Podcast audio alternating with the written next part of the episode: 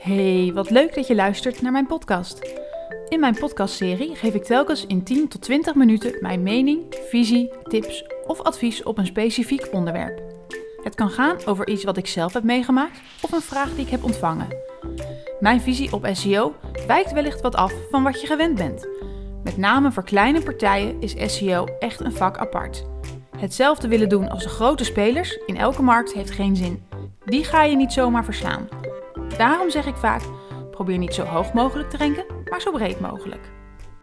Hey, wat leuk dat je luistert naar alweer een nieuwe podcast. En we gaan het toch nog een keer hebben over EAT. Daar heb ik al wat podcasts over gemaakt. Maar onlangs heeft Google uh, de guidelines geüpdate en werd EAT opeens EEAT.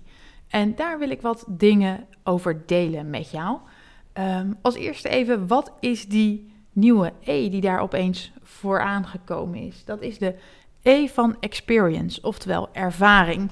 En op zich is die niet heel verrassend, maar het is wel heel erg tof dat Google hem eigenlijk opeens nu apart benoemt. Als we kijken naar het groot idee achter die guidelines, dan is dat eigenlijk welke bron op het internet is de moeite van het aanbevelen, het tonen dus in de zoekresultaten, uh, is dat waard? En dan komt het eigenlijk altijd al neer op welke content is goed genoeg, welke content vertelt het hele verhaal, um, wie heeft er voldoende kennis uh, en met kennis dus eigenlijk ook ervaring. Um, nou, en die E werd nooit eerder zo expliciet genoemd, maar nu dus wel. En wat Google daarover zegt, is dat het gaat om ervaring uit eerste hand. Nou, nogmaals, ik denk dat het niet een hele ingrijpende wijziging is. Want voor mijn gevoel zat ervaring altijd al aan expertise en autoriteit verbonden. Hè? Zonder ervaring kun je, wat mij betreft, geen expert zijn en ook niet als autoriteit gezien worden. Maar nu zeggen ze wel duidelijk als criterium naar de quality raters um, kun je uit de content opmaken dat de auteur ervaring heeft uit eerste hand. Nou, die invulling blijft, zoals we uh, weten uit die guidelines, heel subjectief. Het gaat niet verder dan kun je uit de tekst opmaken dat. En dat betekent ook dat er niet in iets specifieks is wat je kunt gaan doen. Hè. Het zal eruit moeten blijken uit de inhoud. Is dit geschreven door iemand die er verstand van heeft of niet? En um, ik denk dat als je een stukje tekst ziet, dat je het eigenlijk altijd wel snel kan zeggen als jij zelf ook kennis en ervaring hebt. Um, zo vind ik het niet heel moeilijk zelf, maar ik weet niet hoe jij dat hebt om te herkennen of een stuk content door een content marketeer geschreven is of door een ervaringsdeskundige. Die laatste gaat denk ik toch meer voorbeelden geven, praktische casussen aanhalen. Um, zal net wat overtuigender klinken in de zinsopbouw of kan net wat dingen zeggen waar iemand zonder ervaring eigenlijk niet aan denkt. Dus ik uh, en ik, ja, de vraag is hoe gaat Google dat zelf kunnen zien? Dat, dat weet ik ook niet, wist ik het maar. Maar ik denk dat het heel goed is om hier rekening mee te houden als jij content maakt en laat maken, dan helemaal. Zit die ervaring erin? Als jij de persoon bent met de kennis, hoe zorg jij er dan voor dat jij die kennis doorgeeft aan de creator? Een ontzettend belangrijk uh, uh, onderdeel om daar dus mee bezig te zijn. En als we het dan hebben over zoiets als ChatGPT, ja, dat staat er natuurlijk haaks op. ChatGPT heeft geen eigen ervaring, weet alleen maar wat anderen zeggen. Um, nou, in mijn andere podcast heb ik het uitgebreid over ChatGPT gehad, dus ga ik nu niet meer zo uitgebreid doen. Wel wil ik het hebben over is ChatGPT goed genoeg en dan denk ik dat het antwoord moet zijn nee. Naast dat het her te herkennen is door Google, is de kwaliteit van de content nu niet goed genoeg. Hij kan dingen heel goed, maar qua inhoud vind ik hem constant teleurstellen. Nou, als we dan kijken naar die guidelines, dan zien we eigenlijk dat die twee takken blijven overeind staan. Het gaat om content en het gaat om reputatie. Dat is waar Google naar kijkt bij het bepalen van kwaliteit. En wat wel interessant is, is dat er bij content wel iets meer veranderd is dan we in de media lezen. Hè? Want iedereen heeft het over die E van ervaring. Maar um, nou ja, ik print elke keer als er een nieuwe update is, print ik alle 80 pagina's uit van dit gedeelte en ga ik de verschillen zitten zoeken. En ik heb nog wat verschillen gevonden die ik graag met je wil delen. En opvallend, voor het eerst in de guidelines, ik heb het ook echt nog teruggezocht, staat het in de vorige ook, ik kan het niet vinden.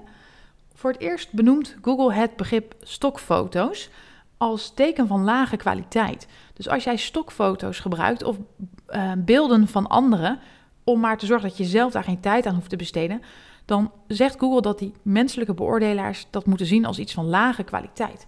Mega opvallend vind ik zelf. Ik heb de vraag vroeger vaak gehad in trainingen over stokfoto's. Ehm, en nu eindelijk wordt hij dus met naam en toename genoemd. Maar dat is niet alles. Ehm, het begrip filler content heb ik ook nog nooit gezien. Filler content is gewoon eigenlijk content gemaakt om de tekst op te vullen. Je leest vaak op het web dat partijen zeggen je content moet minimaal 2200 woorden hebben, want dan doet het het goed in Google. Nou, hier gaat denk ik al iets mis. Ik denk dat wat je vaak ziet is dat content die hoog rankt veel woorden heeft. Wat niet wil zeggen dat als jij veel woorden hebt, jij dus ook goed rankt. Hè? Daar, dit is verkeerd omgeredeneerd. Maar nu benoemt Google dus ook dat begrip filler content. Als jij dat gaat uh, gebruiken en gaat opvullen, alleen maar om te zorgen dat je aan het aantal woorden komt, moet dat ook gezien worden als lage kwaliteit. Dus onthoud die ook. Um, simpele feitjes. Staat ook door Google een voorbeeld van. Uh, mensen wonen in Argentinië is een land. Mensen wonen in Argentinië. Argentinië heeft grenzen. Dit soort simpele feitjes, en dan kun je misschien nog statistieken aanhalen en zo, um, worden ook opeens door Google benoemd als teken van lage kwaliteit. En dat is vooral wat je ChatGPT ziet uitpoepen. Heel veel feitjes, ik noem het eigenlijk feitendiarree wat eruit komt. Nou, en weet dus ook dat deze zo genoemd staat. Dus als jij content gaat maken, um, ik zeg niet dat je geen feitjes mag noemen, maar het gaat erom om het grote geheel. Is jouw tekst interessant, vernieuwend of eigenlijk vol met filler content en feitjes? Dan moet er een alarmbelletje afgaan.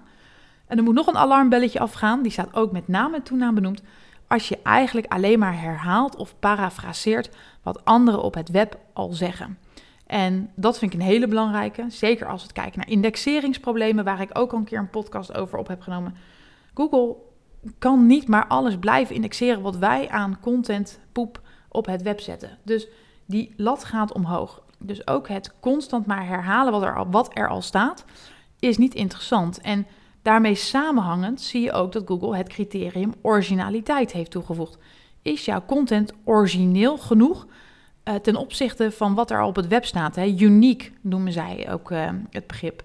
Dus dan kom ik weer met het voorbeeld van de 4 miljoen appeltaarten.